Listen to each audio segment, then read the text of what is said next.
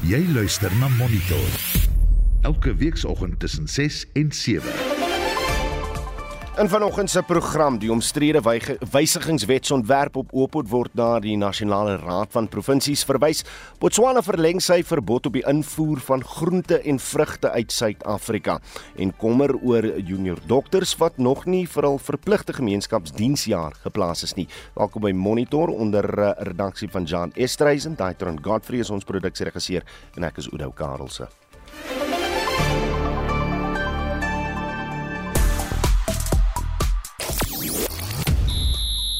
In jou monitor sportnuus se besige naweek met sewe rugby asook Europese kampioenskapwedstryde wat voorlê in die Alfred Daniel Kampioenskappe onbekende Suid-Afrikaner eerste op die voorlopersbord en in cricket die vroue Proteas gaan vanaand poog om die reeks teen Bangladesh gelykop te maak. Die Oxford Woordeboek het rus as sy keuse vir woord van die jaar aangewys. Nou jong mense gebruik die woord rus en hy word gespel R U Z Z om na aantreklikheid, styl, charme of die vermoë om 'n romantiese maat te lok te verwys.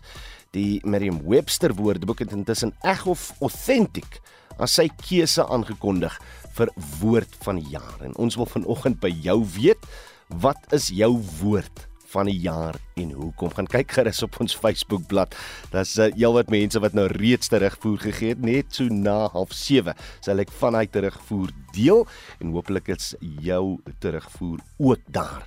Rus R I Z Z. Ek raak oud.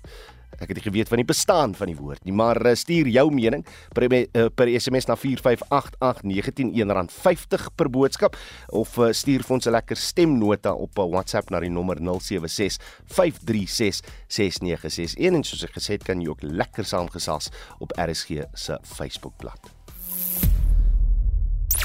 Monitor jou oggendnuusprogram op RSG. Dis 9 minute oor 6. Die hoof van die Suid-Afrikaanse Nasionale Weermag, generaal Rudzani Mapwanya, het beweringe ontken dat daar 'n geheime eenheid in die weermag bestaan wat by voorvalle van ontvoering, marteling en moord betrokke is. Die nie-regeringsorganisasie Open Secrets het onlangs 'n verslag bekend gestel waarin beweer word dat ten minste 4 eenhede van die, van van die weermag by die misdade sedert 2019 betrokke is. Die eenhede is glo die spesiale magte, die uh, militêre polisie, die verdedigingsintelligensie en die verdedigingsregsdienste.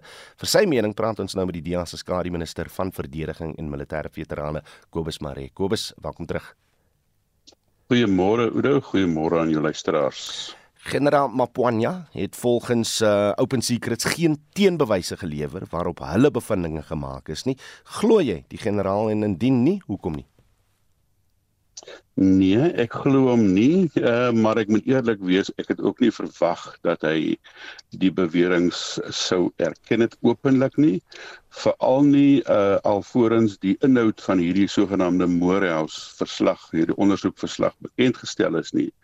Ehm um, ek dink dit is ehm um, tipeerend van die weermag en ook van sy leierskap om nie sommer uh verkeerde optredes van van sekere persone en sekere eenhede uh te erken nie.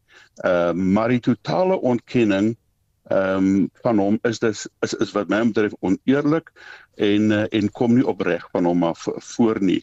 So so nee ek glo hom nie want ons weet daar bestaan geheime eenhede. Dit is geen uh, geheim nie.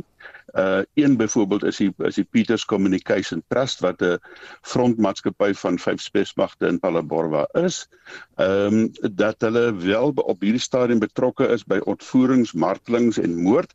Dit is beweringe en dit is ehm um, getuienis van Open Secrets se se se se vletjieblaser. Hmm. Ehm um, maar maar ek het nie verwag dat hy sou erken nie, maar dat dat hy heeltemal sou erken nie, maar om dit te ontken uh dink ek dit was oneerlik van van van die generaal so nie ek glo hom nie. Vir diegene wat nou nog nie of, of nie voorheen geluister het na gesprekke saam met of tussen uh, ek en jou en en mense sê nie van vuur en die kwessies wat Open ja. Secrets uh geopereer was onder meer weermag eenhede was moontlik betrokke by die moord op die ondersoekbeampte van die Valke Frans Matipa is nou in Augustus Matipa was besig om die ontvoering van die beweerde ISIS finansierder Abdella Abadiga en sy lyfwag te ondersoek en die ander een natuurlik die beweerde teenwoordigheid van militêre magte by die aandoen van die Russiese vragskip Lady R in uh, Simonstad verlede jaar. Nou volgens die weermag is die kwessie nou afgehandel want hulle ondersoek toon niks. Is dit Kobus afgehandel soos die uh, generaal uh, glo dit is? Nee. Nee, verseker nie. Ehm um, jy weet 'n ou kan probeer 'n uh, 'n uh, uh, uh, beseker rad voor mense se oë draai, uh, maar jy kan dit net tot op 'n punt doen. Ons weet dat daar is nie 'n ding soos toevalligheid nie en ek weet daar's nie ding soos toevalligheid in die weermag nie en veral waar dit kom by spesmagte nie. Hulle kan nie op toevallighede werk nie en hulle is veronderstel om op geverifieerde en duidelike intelligensie te werk. Ons weet wat ons weet is dat dieselfde voertuie van Peters Communication Trust was some in 'n Middelady aarsage hmm in Simonstad betrokke. Dit die voertuie was daar gewees met dieselfde nommerplate, dieselfde voertuie. Dieselfde voertuie is die dag van die ontvoering by die Mall of Africa opgemerk in dieselfde tyd geleef waar die ontvoering plaasgevind het. So so nee, jy weet hierdie hierdie uh is is daar's dis nie 'n toevalligheid nie en en daar is 'n betrokkeheid van Peters Communication Trust wat spesifiek vyf spes magte Hmm. Uh deel maak. Ek het op 'n stadium 'n vraag ingedien aan die minister toe om te weet wat is die rol van Peters Communication Trust en watter ander frontmaatskappye bestaan daar nog? Ehm um, en ek het nog nie 'n antwoord daarop gekry nie. So so ehm um, die feit dat dat 'n uh, uh, kolonel Frans Matipa dit ondersoek het en wel die betrokkeheid van hierdie hierdie hierdie ehm um, spe, spesmagte daarbey betrokke ondersoek het en die feit dat hy op pad was soontoe en dat al die inligting wat uitgekom het tot sover dui op die waarskynlikheid dat hy waarskyn dat hy deur skerpskutters ehm um, jy weet ehm um, uh, uh, doodgemaak is. Ehm um, uh, dit alles dui op op baie vaardighede en op spesifieke optredes. Nou as 'n mens gaan kyk na wat die wat die vletjieblassers van van Open Secrets gesê het hmm. in sy eie woorde dan dan is daar baie meer hierby betrokke en die feit onthou net die feit dat hulle hierdie Morehouse ondersoek gelas het hierdie sogenaamde raad van ondersoek ehm um, be, be, be, beteken dat of daar is prima facie bewyse vir hulle genoegsaam gewees om dit te doen of daar was druk, miskien politieke druk dat daar wel 'n ondersoek moet wees. Wat ons nou moet verseker is dat hierdie goed nie net onder die mat ingevee word nie, maar maar dat daar toevallig dat dit toevallig is, hmm. glad nie. Geensins in my opinie. Is ek reg om te sê dat dit nou net die president is wat iets hieromtrent kan doen? Nee, die minister van van verdediging kan verseker baie aan doen. Dit val direk onder haar. Ehm um, en natuurlik, jy weet, ehm um, het, het die parlement ook 'n rol te speel. Onthou, die die die die hoof van die van die weermag ontken nou sekere goed. Maar ehm um, ek daar is sekere dinge wat wat veral waar spesmagte op uh, betrokke is wat natuurlik in geheim plaasvind en en en en half onder 'n onder onder 'n skadu plaasvind. Daar sekere optredes en sekere operasies verseker, maar onthou, hy het die luksheid as ek hy term kan gebruik om vir ons by parlement in die komitee in 'n geslote sessie mm. toe te lig hieroor en vir ons en onthou dan is ons ook tot geheimhouding ehm um, geslaan en en dan het ons daai verantwoordelikheid. As die volgende stap stadium het hulle Ja, in in in hierdie stadium het hulle nog nie eens uitgereik na ons toe nie. So en dit is hoekom hierdie paie aansoek van my Ach. baie baie belangrik is sodat 'n mens agter die kap van die byl kan kom en dat hy dan na die parlement toe kan kom en vir ons verduidelik wat gebeur. En hoekom gebeur hierdie goed? Dit is nie toevallig nie en ons kan nooit toelaat dat die weermag teen die polisie optree twee twee veiligheidsmagte in Suid-Afrika nie en dat hulle teen gewone burgerlikes optree nie. Dis totaal onaanvaarbaar. Dit kan nooit toegelaat word nie. As jy het nou my laaste vraag beantwoord Kobus Marie baie dankie weet hy het op monitor. Hy is die DEA se skadu minister van verdediging en militêre veterane. Die nasionale vergadering het die wysigingswetsontwerp op die onafhanklike polisie ondersoekdirektoraat aanvaar en na die nasionale raad van provinsies verwys. Die wetsontwerp het ten doel om die direktoraat se onafhanklikheid te versterk versterk, maar die wetgewing is baie omstrede omdat die aanstelling van die uitvoerende direkteur van Oopot steeds by die minister berus terwyl dit juis 'n oplossing vir die punt moes vind. Action Society het skerp kritiek teen die wysigingswetsontwerp uitgespreek en ons praat nou met die drukgroep se direkteur van gemeenskapsveiligheid een Cameron Moore 1. Goeiemôre Udo. Soos hy staan is hy ongrondwettig of nie? Wat my betref is dit ehm um, kyk ons ons moet dit baie eenvoudig maak dat mense presies kan verstaan wat die risiko is as Becky Cele kan besluit wie is die eh uh, direkteur of of of dan nou wie staan aan die stuur van Oopot. Dit beteken basies dit is dieselfde beginsel as byvoorbeeld 'n uh, eh, 'n uh, prominente bank in Suid-Afrika se uh, uitvoerende hoof wat nou ander banke kan reguleer. Dit is 'n totale monopolie op uh, op polisie en enige enige tipe nagevolg vir polisie wangedrag. Hmm. Hy sit nou daar by die nasionale raad van provinsies. Is jy van mening dat die wysigings wat julle sien nodig is, daar sal gebeur? Ehm um, ek ek dink dit gaan 'n 'n redelike ernstige debat wees. Uh, Daar's geen twyfel dat dit nie net ons is wat wat gevoel het hier's groot fout nie. Ek dink dit word omtrent net deur die ANC uh, ondersteun. Dit was baie interessant toe ek destyds die voorlegging gedoen het uh wat gesê het wat ons probleme is met hierdie stuk wetgewing in die portefeulje komitee uh het het ons het baie baie duidelik gemaak dat dit letterlik net in die guns van die ANC sal tel want dit beteken eintlik maar dat jy kan voortgaan met politieke aanstellings. Dit beteken dat enigiets wat verkeerd gaan in die polisie wat deur Oopot ondersoek moet word spesifiek onder Oopot se mandaat nou maar eintlik uh beheer of beïnvloed kan word deur die minister van polisie. So ehm um, ek dink dit gaan nog 'n ewige debat wees. Ek glo ons voorstelle kan dalk tel, hmm. maar op die stadium lyk dit tog vir my of die ANC die ding wil stoomroller. Uh ons het dan voorheen hier oor gesels, maar herinner net weer, uh, wie dink julle moet die aanstelling maak van die die die hoof van Oopot?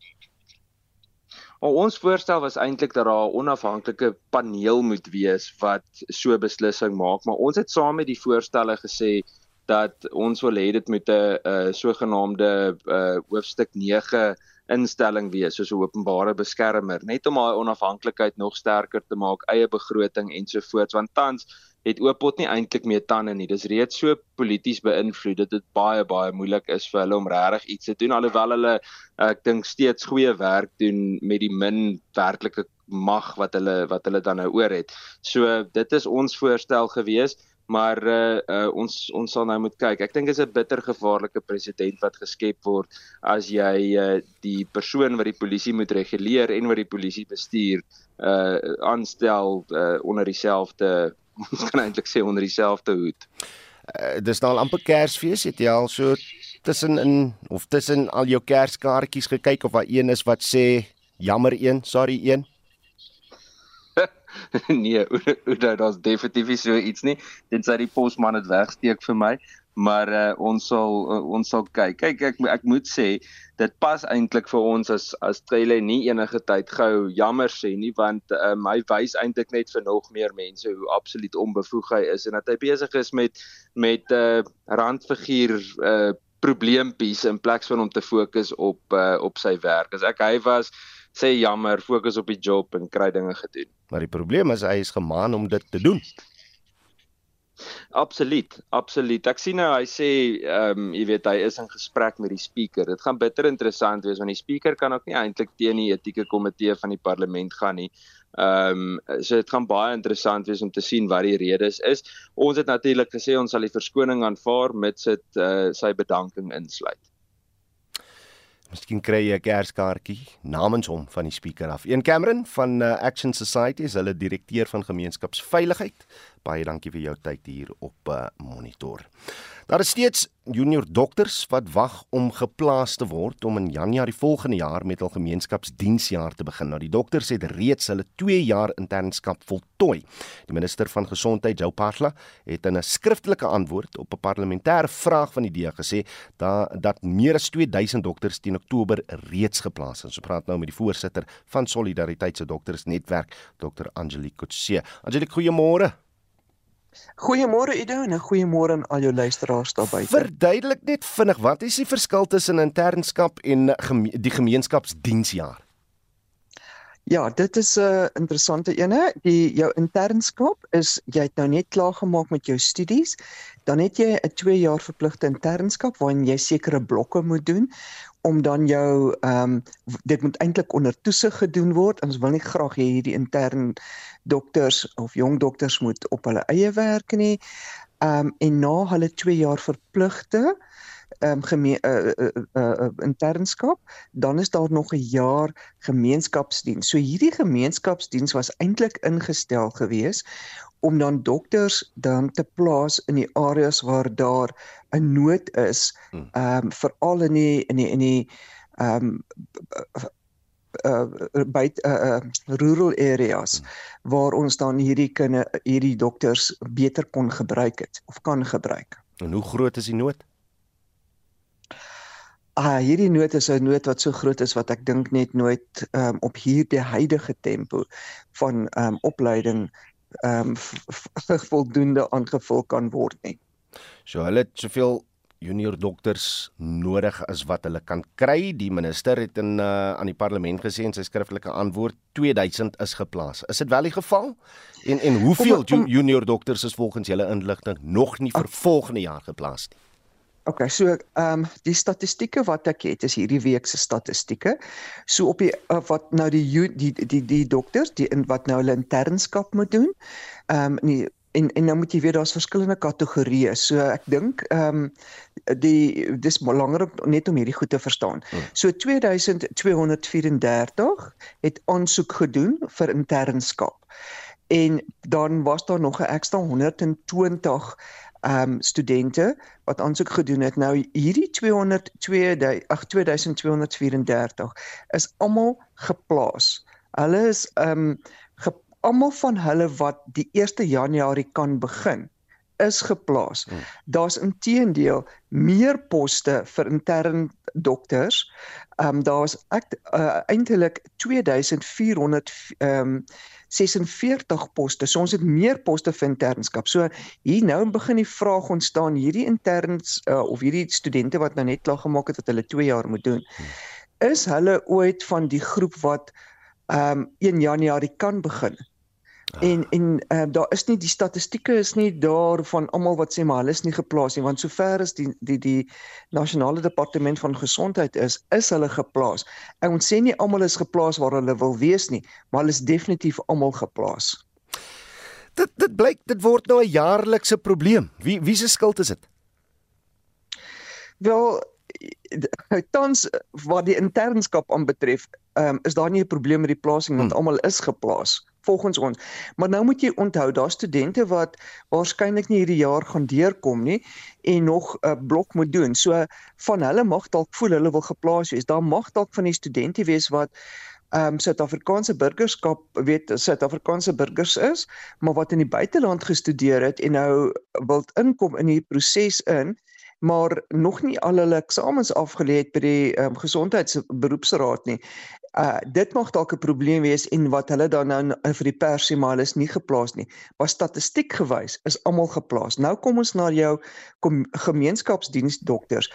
So daar was ehm um, wat aan wat wat ehm um, dokters wat uh aansoek gedoen het was uh 2246 en daar's 2100 ehm um, ehm um, 46 wat geplaas is. So 118 ehm um, is nie geplaas nie. Hulle kan eers van April af begin werk van hierdie 2264. So ons doen 'n beroep op al hierdie uh um uh gemeenskapsdiensjaar dokters wat sê hulle is nie geplaas nie om solidariteit of enige van die ander organisasies te kontak en vir ons te sê hulle is nie geplaas nie want volgens die statistiek wat ons het is hulle wel geplaas. Die vraag is weer eens is hulle gemaklik waar hulle geplaas is? Dit is iets anders. As hy sal so maak, sal jy ons laat weet. Dit was Dr. Angelique Kutse, die voorsitter van Solidariteit se Dokters Netwerk. Wêreldnuus. Die nuusagentskap Al Arabi Al Jadid vra dat daar druk op Israel geplaas word na die vernederende inhegtenisneming van een van sy Gaza-korrespondente. Die agentskap beweer Dia Al Galut is saam met sy broers en ander gemeenskapslede in hegtenis geneem waarna hulle moes uittrek en onderwerp is aan vernederende ondersoeke. Ja, en dan beeldmateriaal wat nog bevestig moet word is ook gedeel. Tientalle mans sit op hulle knieë in 'n ry op 'n sypaadjie slegs in hulle onderbroeke en hulle hande is agter hulle rug vasgemaak. 'n Ander groep mans is dan ook op die agterkant van 'n bakkie gelaai. Dit is onduidelik waarheen hulle geneem word. Daar's nog 'n paar goed wat moet gebeur voordat 'n mens dit as feite kan weergee, maar tog nogal ontstellend as mens na daardie beeldmateriaal kyk. Intussen vlug duisende mense nou na die dorpie Rafah op die grens met Egipte en vir nou is hulle veilig, maar terwyl honderde vragmotors op die grens wag om in te gaan met humanitêre hulp, is daar nie kos, water of elektrisiteit vir hierdie duisende mense in daardie dorp nie. Druk op Israel neem veral by die vee en toe maar daar is nog nie tekens dat hulle gaan toegee nie. As mens so luister na die Israeliese lid van die regering, glo Israel dat Gaza slegs deur sy weermag beheer kan word. Ehm um, die man was in gesprek met 'n BBC verslaggewer. When we talk about two-state solution, we are using three words and three lies. It's not two, it's not a state, it's definitely not a solution. So what's the answer? An everlasting occupation? First, occupation is not the word. One cannot occupy its own land. Israel is not an occupier in Israel because that's in... the land of Israel. So what about Gaza? Again, that's the land of Israel? Land of Israel, you cannot be occupying it. We're not occupying it from anyone. Intussen hoop die Palestynse leier, die FSA en Brittanje gaan nie die VN-sekretaris-generaal se versoek vir 'n onmiddellike skietstilstand veto nie. The United States of America and Britain now has the key. If they oppose a resolution about immediate ceasefire, they will not be complicit only with this aggression. They will be a participant in these war crimes. they have to approve the ceasefire immediately because what is at stake is the life of 2.3 million people now. Half of them are children. Ja, dis die 8de Desember, so vandag 2 maande na Hamas se aanval op Israel, waar minstens 1200 mense vermoor is en 240 mense ehm um, gevange geneem is en in aanhouding was ek weet 'n hele paar mense is reeds vrygelaat van daai gijslaers. Volgens Hamas in Gaza is minstens 17700 Palestynse burgers reeds dood. En dan na die oorlog in Oekraïne waar president Volodymyr Zelensky nou weer waarsku dat Rusland die oorlog kan wen dit nadat Republikeinse lede van die Senaat in die VS gestem het teen 'n multimiljard dollar pakket vir onder meer die stryd in Oekraïne. Ja, die Republikeine het sekere vereistes waaraan daar nou nie gehoor gegee is nie en die Withuis sê president Joe Biden is oop vir onderhandelinge, maar dat hy nie gaan toelaat dat die Republikeine die pad vorentoe dikteer nie. Amerika het sover 46 miljard miljard Amerikaanse dollar of sowat 850 miljard rand aan die oorlog in Oekraïne bewillig, gevolg deur Duitsland in die tweede plek en dan Brittanje derde wat betref geld wat vir hierdie oorlog bewillig is. Die direkteur van die kritieke bedreigingsprojek aan die Amerikaanse Ondernemingsinstituut, Fred Kagan, sê die uitkoms as daar nou nie geld bewillig word nie, is eenvoudig. If the United States doesn't give Ukraine any more aid at all, the likelihood is very high that Putin will, in fact, win, not just by holding what he has, but actually by driving uh, further to the west and probably ultimately succeeding in subjugating all of Ukraine. Nou intussen begin sprake van oorloguitputting toenemend kop uitsteek by konferensies en in die media. Ons het juis gister op Spectrum met professor Joansi um, gepraat wat in Brussel is en wat gesê dat daar ook gepraat word van post-oorlog Oekraïne. So dit lyk dit klink asof mense nie meer daaroor wil praat en moeg is daarvoor, maar kyk en sê daar is belangrike onderskeide hier There may be war spending fatigue and war looking at fatigue, but there isn't war fighting fatigue in the West, which is very important because the reason we need to continue to support Ukraine is so that we will not end up having to fight ourselves on behalf of NATO against a victorious Russian military. En net die tyd sal leer of befondsing tog toegestaan gaan word. Die mensdom, een storie, een drama, een krisis vervang eenvoudig net 'n ander. Maar hulle forsie dan met 'n oorsig van wêreldnuus gebeure. Jy luister na Monitor. Elke weekoggend tussen 6 en 7. Tyd stap aan 6:31 en hier is wat voor lê in die tweede helfte van ons program. Statistiek Suid-Afrika se kragopwekking het in Oktober op 'n jaargrondslag met 1,6% toegeneem. En Botswana plaas verder beperkings op die invoer van vars produkte uit Suid-Afrika. Bly ingeskakel hier op RSG.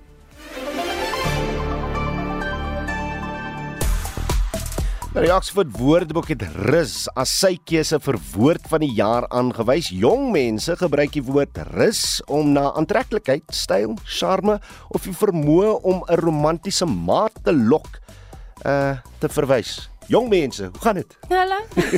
Gebruik jy die woord rus? Ehm um, nee, ek dink dit is toch net so 'n bietjie na my wat dit hulle begin uitkom. Nee, dan voel ek nou nie so sleg daaroor. Ek vra is ek nou nie meer 'n jong mens nie. Nee, ek kom oh. nog by jou uit. Eens op die een kant van die ateljee, die ander op die ander. Wag jou beurt, Marlenae. Ja, het, het jy 'n woord vir jaar? Nee. Jy vang my nou 'n bietjie omkant. Ek is nou nie ek, Man, ek is ek hou maar altyd by inderdaad. Dis my so 'n lekker woord om te gebruik. En 'n ander een wat iemand my nou dag op gewys het, ek hou so daarvan om die woord diegene te gebruik. Uh. En uh, dit is jy laas mense wat sê dit is maar 'n bietjie van 'n argaïese woord. So miskien is ek dan nou maar deel van die ouer garde. Ek het hom vanoggend gebruik met een kamera net so terloops en dit is inderdaad Marlenae se woord. maar nou wat sê die mense op Facebook Granville Michael sê kant. Dis sy woord van die jaar. Maar as dit nou omkant, wat kant? Nee, hy sê kant en klaar. Uh Heidi Syder sê deurmekaar spul. Neville Meyer sê donder in vir my as Engelssprekende kry ek die beeld van iemand wat 'n donderwolk oor sy kop het. Dankie dat jy dit verduidelik het. Anders sou dit nou nie moeilikheid gewees het met die gebruik van daai woord. En dan sê Allison Meyer Miller, uh kunsmatige intelligensie. Ons het nou twee woorde, maar ek weet, uh, as konsep is dit seker een van die grootes van die jaar. Maar wat is jou woord van die jaar? Stuur vir ons jou mening per SMS na 45889.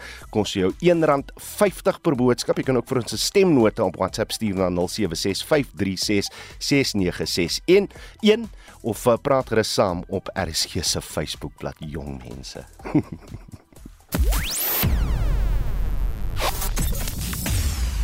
Monitor jou oggendnuusprogram op RSG.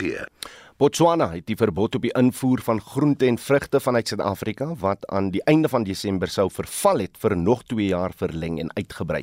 Dit sluit tomaties, eie en aartappels in en ons praat nou met die bemarker by ZC2, Clive Garrett. Clive, goeiemôre. Goeiemôre, goeiemôre Oudo en goeiemôre aan die luisteraars. Botswana se besluit is geneem om plaaslike boerdery aan te hits van die land is voor die verbod op Suid-Afrika afhanklik van vir 80% van sy kosinvoere. Nou die maatskappye en entiteite wat uh, voorheen ons groente en vrugte ingevoer het, is hulle tevrede met die besluit deur die regering van Botswana? Oor nee, ek dink nie so nie. Ehm um, die die probleem is hulle hulle wou onafhanklik word van Suid-Afrikaanse boere. Hmm. Maar 'n mens kan nie tomaties, kom ons gebruik net 'n voorbeeld van tomaties. 'n Mens kan nie tomaties in die middel van die somer in Botswana produseer nie. Dit is net te warm. Die die winkels in Botswana hierdie jaar en laas jaar het leeg gestaan. Ehm um, daar is nie tomaties nie. Hmm. So so wat gebeur nou met die uitvoere van produkte na na Namibië? Oor die die produkte wat na albei Botswana en Namibië um, sou gegaan het, word nou op die lokale markte verkoop, maar die probleem is ons ons verkoopsprys hier word op 'n vraag en aanbod bepaal. Uh, so dit beteken dat daar meer tomaties hier in die SA is, dan val die prys en die SA boere kry swaar en dit kan dan lei tot werksverliese. Ja, dis nou 'n simpel vraag, maar maar kan julle dan as as boere klante kry in in 'n in 'n ander land om om net hierdie uitvoere na Botswana te vervang?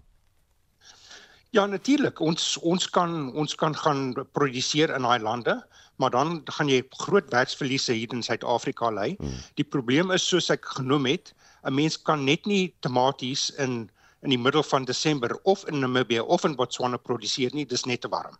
So die besluite moet dus ook prakties wees, maar die besluit is teenstrydig met talle ooreenkomste tussen lande in die Suider-Afrikaanse Ontwikkelingsgemeenskap, is dit nie? Absoluut. Daar's die ehm um, daar's die SADC vryhandelsooreenkoms en die Africa Continental Free Trade Agreement wat uh, hierdie hierdie tipe sluit van grense verbied. Ehm um, maar dit lyk my niemand steur hulle daaraan nie. Het jy al by die regering gaan uh, aanklop vir vir 'n uh, bietjie help en ondersteuning met hierdie situasie? Oudo, ons het al deur verskeie kanale met die regering hieroor gepraat. Ons het deur uh, Agri SA gewerk.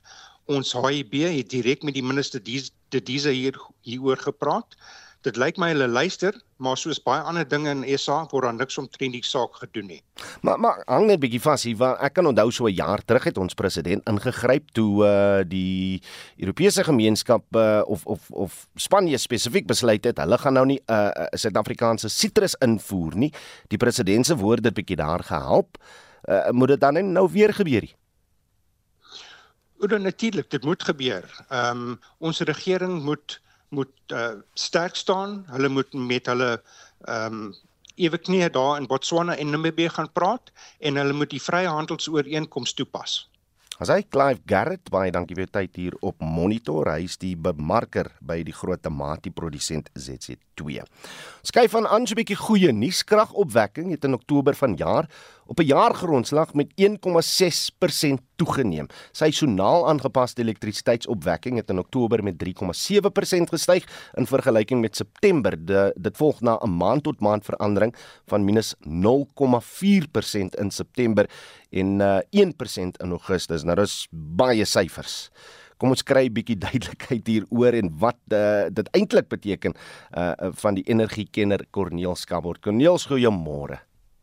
Môre Oudo. Uh, ek gaan eenvoudig net vra wat te verskil maak 1,6% uh, toename. Ehm um, Oudo ja, ek ek weet mense kan dit lees en dink dit gaan goed, maar ek ek dink Suid-Afrikaners is nie dom nie en hulle sien wat aan die gang is. So ek kyk na die totale prentjie en as ek na die totale prentjie kyk dan gaan haal ek hom in 2008 en as mense na die tendens kyk, dis dis makliker om die tendens te interpreteer. Hmm. Dan sien mense dat hier in 2008 net net as ek die getalle kan bietjie rondgooi, het Suid-Afrika en Eskom dan nou hoofsaaklik oor die 22000 gigawatt uur opgewek. Ons was bo die vlak van 22000. Ons was vir die grootste deel van 2023 was ons onder 19000 en ons is nou maar net weer bo 19000. Ons is nie eens halfpad 20000 toe nie. So ja, daar is definitief jaar op jaar 'n verbetering in vergelyking met 'n jaar gelede, maar as mens na die totale tendens kyk, dit is steeds afwaarts hmm. en ek kan nog nie sien dat hierdie tendens omdraai nie en ek dink Suid-Afrikaners besef dit. Ek dink ons het so gewoond geraak aan beurtkrag Oudo dat ons dit maar aanvaar as gelate. Maar die feit van die saak is dit dit gaan slegter as wat dit gegaan het 'n jaar terug en 'n jaar voor dit en so voorts. Luister, ek kan nou nie lag nie, maar ek ek ondervind nou minder beurtkrag, maar nie dit omdat dinge beter verloop nie, maar omdat City Power nie by sy eie skedule hou nie. Nou maar da, dan is jy baie bevoorreg Oudo. Ek dink daar's baie Suid-Afrikaners wat nie baie gelukkig is met met daardie tipe uh, voorkeur wat sekere mense kry in ons land nie, maar dit is die realiteit. Ons ons sit met hierdie ongelooflike hoë vlakke van beerdkrag en om die hele tyd aan te sit en af te sit, ons weet al vir 'n paar maande, dit is 'n probleem met City Power en daar's ander ook. Ek bedoel mense het baie keer daai oggend wat jou skedules sê jy moet eintlik 8 tot 11:30 mm, mm. moet jou elektrisiteit afwees, maar dan is dit aan en dan iemand vergeet of iets het gebeur en dan is jy net dankbaar en dan en dan gat mens aan. Maar maar Oude as mens byvoorbeeld kyk na ek wil dit sommer net ook noem, die die dae beerdkrag. Ehm um, as as ons gaan aangaan wat ons nou aangaan hmm. en ek het die som 2 maal gemaak vir twee goeders. As behoort ons teen die einde van die jaar die hoeveelheid ure beerdkrag wat ons in 2023 gehad het, al die ure en dis nou as Eskom gaan aanhou presteer soos wat hulle tans hmm. presteer wat nie goed is nie. Dan beteken dit, jy vat al die ure van 2023, dan tel jy al die ure beerdkrag 2015, 16, 17, 18, 19, 20, 21, 22, 8 jaar se beurtkragure tel bymekaar, dan was daar meer ure beurtkrag in hierdie 1 jaar as in die 8 voorafgaande jare. Nee man. Maar dis nie een som, maar om dit erger te maak, dit is net ure. Maar as jy kyk, onthou 'n uur beurtkrag vlak 6 of fase 6 is baie erger as 'n uur op fase 1. Mm. Nou as jy daarna kyk en jy doen die som op daai wyse, dan behoort ons in 2023 om en by 20% meer eenhede elektrisiteit te gesny het, 20% meer as in al die jare van 2007 af, vanaf daar beerdkrag begin het. Jy tel alles bymekaar, jy sit 20% by en dis hoeveel elektrisiteit gesnoei is in 1 jaar. So dit dit lyk nie goed nie. En ek bedoel ons sit met 'n minister wat aangestel is. Ek sien nie verandering nie. En en dis die groot probleem wat ek sien. Hoe daar's 'n besluiteloosheid, daar's 'n beleidsrigting wat ek nie oorseker is nie. En ek sien net nog nie hierdie skip, ironies genoeg skip. Ek sien nog nie die skip wat omdraai nie. En Eskom se eie vooruitskouing, en ek's nou bietjie negatief vir, vir volgende jaar, maar ek ek haal maar net vir Eskom aan in die verlede het hulle so 'n vooruitskouing gegee en dan gebruik hulle 'n drie kleurstelsel. Groen is geen beerdkrag, uh geel is een fase beerdkrag en dan rooi is fase 2 of hoër. Vir die hele 2024, die hele jaar, is daar nie 'n enkele groen blokkie nie en daar's nie 'n enkele geel blokkie nie. Dis rooi van Januarie regdeur tot Desember 2024. Met ander woorde, verbruikers moet hulle self staal vir volgehoue beerdkrag vlak 2 en hoër vir 'n hele jaar. Dit is die goeie nuus wat ek op hierdie Vrydag. Baie baie dankie vir daai Kersgeskenk Corneels. Net net vinnig die vraag wat ek bly vra. En ek weet nie wat die syfer is vir 2023 nie. Hoeveel diesel word verbrand in Suid-Afrika om die lig te hou? Miljarde en en dis die probleem. Ek dink die laaste syfer wat ek gesien het was iets soos 3 miljard 'n maand. Dis ongelooflik baie geld en dit vir my wat daarna kyk en dan sê ek as daai geld eerder vir alternatiewe bronne gebruik kon word, het ons baie minder beerdkrag gekyk. As ek byvoorbeeld net kyk na son en wind, ek hou dit dop vir die laaste paar jaar, daai getal groei nie baie van die staat se kant af nie. Waar daar wel verandering is, is privaat verbruikers die wat dit kan bekostig wat afgeklim het en dit het definitief Eskom baie gehelp en ek dink dit was een van die groot redes hoekom ons nie fase 7 en 8 tot op hede gesien het nie. Maar maar die realiteit is ons brand diesel teen 'n geweldige koers, maar as jy nou weer kyk na hierdie week, ek ek dink net 'n ander probleem wat ons mee sit is die staat is seker tot 'n groot mate in baie aspekte sonder sit sonder geld. Daar is nie geld nie. Um, ons sien dit met, met die mediese gesprek wat jy vroeër gehad het. Daar's al ook probleme met geld. Ons sien dit in die onderwys en ons sien dit ook baie baie definitief by Eskom en hulle mag nie nog leen nie. So die probleem is daar is nog Eskom wat diesel verbrand. Die probleem gaan kom die dag wat Eskom nie meer geld het vir diesel nie. So ja, uh, daar daar's die probleem. Corneels, ek noem jou van vandag af sommer Kersvader, soos in die Kers wat 'n vierkoin nodig het om om aangesteek te word. Energiekenner Corneels Kabor, dankie vir u tyd op monitor. Daar is groot kommer oor die toename in aanvalle op toeriste in die Rustenburg omgewing in Noordwes. In die jongste voorval het gewapende verdagtes 'n bus met internasionale toeriste voorgekeer en probeer kaap, maar die bestuurder uh, kon daarin slaag om weg te trek. In nog 'n afsonderlike voorval verlede naweek is 11 toeriste van hul besittings beroof toe hulle toerbus naby Mooinooi deur vier gewapende mans aangekeer is. Geen beserings is aangemeld nie. Vincent Mofokeng het meer besonderhede. Die bestuurshoof van die Toerisme Sakeraad, Chifiwa Chivengwa, sê toeriste se veiligheid is vir hulle 'n prioriteit. There has been cases, you know, that were reported by, you know, our members who transport tourists to various locations in the Northwest Province along the R566 route and many other routes around the area. And we have attended to those cases that concern the safety and security of our tourists. And we attended to, you know, a few cases that we dealt with the issues that the tourists have experienced. And we made sure that we gave them the counseling that they need. And we made sure that, you know, they go back to their destination as safe as possible. Een van die gewildste vakansiebestemmings in die Rissenburg omgewing is Sun City. Die bestuurshoof, Anthony Leeming, sê die oord het sy veiligheidsmaatreëls verskerp. We've done everything we can to make sure that they feel uh, safe and secure. Yeah, we definitely need support from local authorities that take the matter very seriously and are looking to up sort of surveillance on the roads and we will spoken to our private security will also increase the surveillance on the roads and ensure that they'll to get on top of the situation. Die Lemming raai besoekers aan om nie paaie te gebruik wat berig is vir misdaad wanneer hulle na die bestemming reis nie. Look, there is the N4 to Rustenburg, which we believe is a better road for our customers to travel on. It's a, a large broad highway, less sort of speed bumps, and a busier road. And time-wise is very much the same. Maybe slightly longer, but we do think it's a better road for people to follow on to rather travel the N4 via Rustenburg. Die polisiewoordvoerder vir Noordwes, kolonel Adel Meiburg, vra inwoners en besighede om waaksaam te wees. As we gradually approach festive season, members of the community and various sectors of society, including tourists, are urged to be vigilant and work together with the police in the fight against any form of criminality. If you are traveling, please be on the lookout for suspicious looking people or vehicles. Know where you are going and do not use unfamiliar routes to get to your destination. If you notice any suspicious person or vehicle, contact the police immediately. Intussen sal die provinsiale departement van gemeenskapsveiligheid en vervoer vanaf vandag meer Wes-toepassers op die hoofroetes ontplooi. Die verslag is saamgestel deur Tebogo Pakedi in Rustenburg. Ek is Vincent Mufokeng. Dis nou tyd vir die jongste sportnuus met Jody Hendriks. Môre Jody.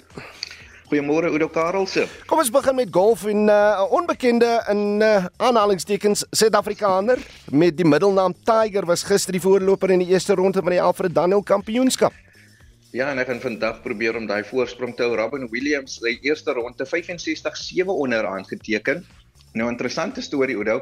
Hy is in die Kaap gebore, maar hy het op die ouderdom van 8 na Engeland vertrek met sy familie en hy het ook al vir Engeland se Junior Rider bekerspan verteenwoordig maar die afgelope 2 jaar speel hy op die Sonskyn Tour om sy ervaring as professionele speler op te doen en soos ek gesê het ronde 2 begin binnekort en ons hou vir hom tyd vas. Baie interessant. Nou tennis en oor bietjie meer as 'n maand begin die Australiese Ope en die inskrywingslys is nou bekend.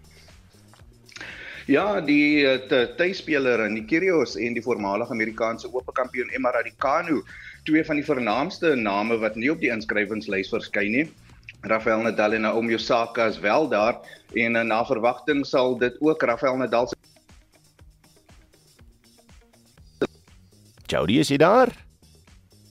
En ek het 'n bietjie van 'n probleem met die lyn na Jody toe en hy het net daar begin vertel ehm um, dat uh ja, mense soos Rafael Nadal en Naomi Osaka uh straks sal Grand Slam terugkeer gaan maak in die Australiese Ope. Kom ons kyk of hy nou daar is. Jody, jy's met ons, né? Nee? Ja, ek is daar. Wil jy die tennis storie weer hoor? Jy, jy het nou net afgesluit daarmee en uh goeie nuus dan vir die Australiese Ope. Uh maar dit is ook maak of breek vir die vroue Proteas en Kimberley vanaand. Ja, om 6uur speel hulle in die derde en laaste T20 wedstryd teen Bangladesh. Die besoekers het Sondag die eerste kragmeting met 13 lopies gewen en Sondag se wedstryd natuurlik weens reën afgelas. So dis 'n moedwen wedstryd vir die tuisspan indien hulle die reeks gelykop wil eindig. Die SA span is ook in beheer teen die Windies. Ja, grootlikste dank aan Zubair Hamza. Hy het gister vir die A-span in 'n meerdag wedstryd in Bloemfontein 110 van 152 balle gemoker. Hy is goed ondersteun deur Rwanda Swart wat 86 gekry het. Die A-span het op 272 vir 5 verklaar en die besoekers 'n teiken van 421 vir oorwinning gestel. Lieflik om te sien hoe die manne 'n plek op hy vlug Nieu-Seeland toe soek volgende jaar nê. Nee. Maar kom ons uh, verskuif na die fokus. Dis 'n besige rugby naweek met die Kaapstad Sewees toernooi as ook 'n paar groot wedstryde in die Europese Kampioenebeker uh, reeks wat plaasvind. Kom ons gesels bietjie daaroor met die voormalige Blitz en Springbok Johan de Jong. Johan, goeiemôre. Goeiemôre, goeiemôre. Dankie my. Luister, meneer, voor ons oor die rugby gesels wat die naweek voor lê. Vir die wat nog nie weet, die behind the rack is 'n baie gewilde potgooi wat aangebied word deur uh, Joan en Rudy Page. Kan ek net sê, Joan, jy, jy lyk meer vry en gelukkig met hy potgooi as wat jy enige tyd op 'n rugbyveld gelyk het. Hoe hoekom dink jy uh, vul julle persoonlikhede mekaar so, so goed aan? Ag Jesus, ek moet sê, um, ek en Rudy kom al lank tyd al ons het 'n bietjie uh, by die Springbok en so 'n bietjie roommates en goed gewees. So is dit lekker chemistry wat ons het. En ons het altyd maar die energie gebring wanneer dit kom by Springbok kampe en en en rugby um, toernooie. So uh, ja, en toe het ons maar so 'n jaar terug besluit, listen hier, uh, besluit om 'n uh, bietjie gesels en ons experience interviews te bring en en dit loop baie baie lekker sover. Ons geniet dit. En nou kan jy stout wees met 'n kamera in die hand. Net eh, Jody, ek weet jy kan, jy gaan nou aansluit, maar net net vinnig. Wat het jou kop of jou liggaam of alles gesê wat vir jou die besluit laat maak het nee, ek ek moet maar nou ek moet maar nou uittreë. Ja, kyk, rugby is 'n is 'n karier wat nie baie lank hou uh, nie, dit na lifespan af ja, as jy gelukkig is 15 jaar. En ek was baie blessed geweest om game 17 jaar te kan gespeel het en ek het maar net besluit, daar kom 'n tyd wat jy lekker sê luister hierso, jy flow 'n bietjie down en jy recover 'n bietjie langer, jy 20 25 wat net dag vat. Dit vat nou 2 dae vir jou om te recover. En as ander goedjies in die lewe soos families en kinders, dat ek weet ek het 'n dogter en 'n seun wat my kon my aandag 'n bietjie meer weg en my vrou ook ehm um, om om bietjie weer die huis ehm um, aandag te veg. So dit het 'n tyd gekom wat wat en en alle goeie dinge kom maar 'n bietjie op 'n einde en dit was maar net ek het gereed baie dankbaar wie sê ek kan bietjie heel uitkom met met Ja, Johan, kom ons gesels 'n bietjie rugby. Ehm um, die Kaapstad Sewes die naweek Blitsbokke sal seker wil bou op die momentum van Dubai verlede naweek. 100% ek moet sê, ehm um, die Blitsbokke lyk soos 'n different nuwe span wat hulle 6 maande terug gelyk het veranderinge wat Roscoe Spekman en Justin Geduld gebring het die afgelope uh, paar weke is fantasties om te sien. Ehm um, en dit was great geweest hoe hy gepraat het especially op ons podcast op die einde rek. Ehm um, Roscoe Spekman en en wat die nuwe visie is en hoe hulle die game sien. So ons sien baie uit vir die vir die naweek se se se toernooi. Ehm um, ek bedoel die laaste keer wat ons gevat het was 2015 en ek kan nog mooi onthou my memories ek trokke geweest daar waar as die kap gelig het. Dit was absoluut fantasties om 2 dae te gehad het met 55000 mense. Hmm. So die boys lyk goed en hopelik kan hulle net back to back gaan soos die Springbokke mos in die World Cup mos. ek, ek hoop tog vir Sandile Ngobo dat hulle hierdie naweek in Kaapstad weer fantasties kan speel want die een toernooi wat die ouens uitgeblink het was was ons uh, hoofafrigter met siekverlof Johan. Ja, ehm um, um, Stikkie het ons obviously 'n besering opgedoen met ehm um, met Achilles en dis is is nou 'n besering wat iemand nie wil hê nie. Dit is 'n lang lang besering, so hy's op die oomblik is hy op krikke of eintlik op hy hy wheel rollers of wat ek hulle dit noem. So ehm um, ja, so is is altyd nie lekker om om om jou coach daar te hê nie, maar ek bedoel soos Philip Snyman ingestaan het, soos die senior spelers ingestaan het, was absoluut fantasties om te sien. So hierdie naweek as hy terug by huis, yeah. so hy gaan dit nog meer add en en hopelik kan hulle nog net nog sterker wees wanneer hy terug is. Wat wat dink jy was die groot verskil in Dubai? Want van die span as jy na, na die res van die jaar kyk, uh, hulle het bietjie gesukkel in in, in die sewe se reeks. Ja, want dit kom by rugby, kyk hulle die talent is daar. Ehm um, die jong manne is daar. Jy kry altyd um, experience met die jong manne en dit's om Justin geduld terug te kry van besering af. Het vir Roscoe Spekman wat ook nou die sewes gejoin het. En as die senior spelers en junior spelers reg connect en jy kry die regte passie en en goals daarvoor, die manne lyk of hulle uh, um die die die goals het. Um jy kan sien hoe emotional gewees het toe hulle lands het gesing en jy kan sien emotional hulle gewees het toe hulle trofee gewen het. Beteken dit beteken baie. Um hulle wil respek terug in die in die try sit. Um want die afgelope paar weke maande was dit was dit great geweest hier en hulle beveg nog vir hulle lewe hulle veg om om um, Olimpiese te gaan en hulle veg om om om goeie rugby te speel in die land tro, trots te maak en dit het het doen. So hopelik kan hulle dit Johan, kom ons gesels vir Europese Kampioenebeker die Stormers teen die Leicester Tigers die naweek in 'n wegwedstryd. Hoe gaan hulle die wedstryd benader gegee dat hulle 'n week later in die Kaap teen La Rochelle speel? Ja, dit is die business end of the season. Uh, ek bedoel, hierdie is 'n kompetisie wat almal wil wen. Dis een van die grootste kompetisies vir my is net onder die World Cup uh in die wêreld. So uh, is is groot groot kompetisie.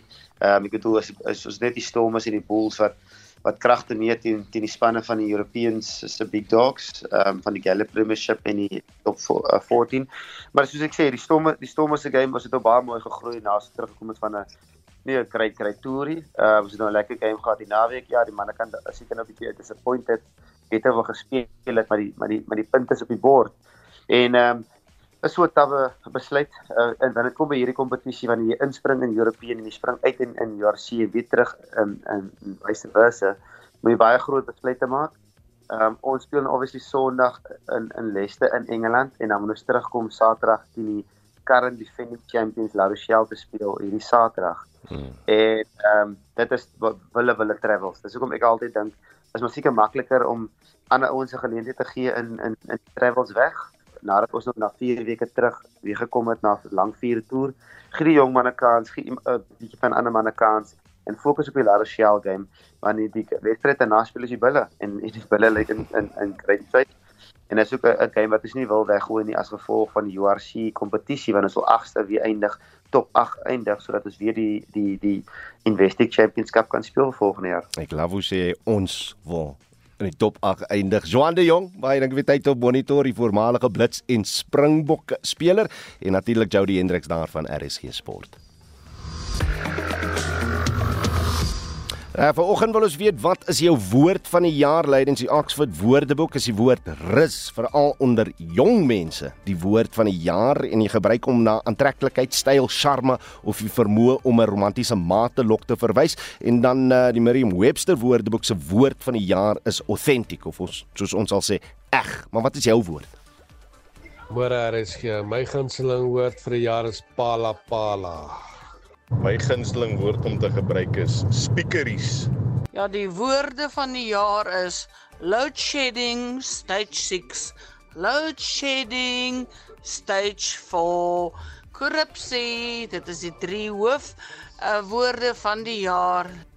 En dan sê Elizabeth van Bloemfontein koester dit wat ons met mekaar moet doen om al die gemors in die land teen te werk. Terwyl Erna Luiters van Welkom sê onthuts. Dit sê soveel, sê Erna Luiters.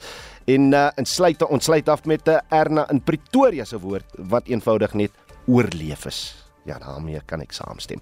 Dankie vir die saamluister. Ons groet namens ons uitvoerende regisseur Nicoline Lou, die redakteur vanoggend te Jean Esterhuizen. Ons produksieregisseur is Daitron Godfrey en ek is Oudo Karelse.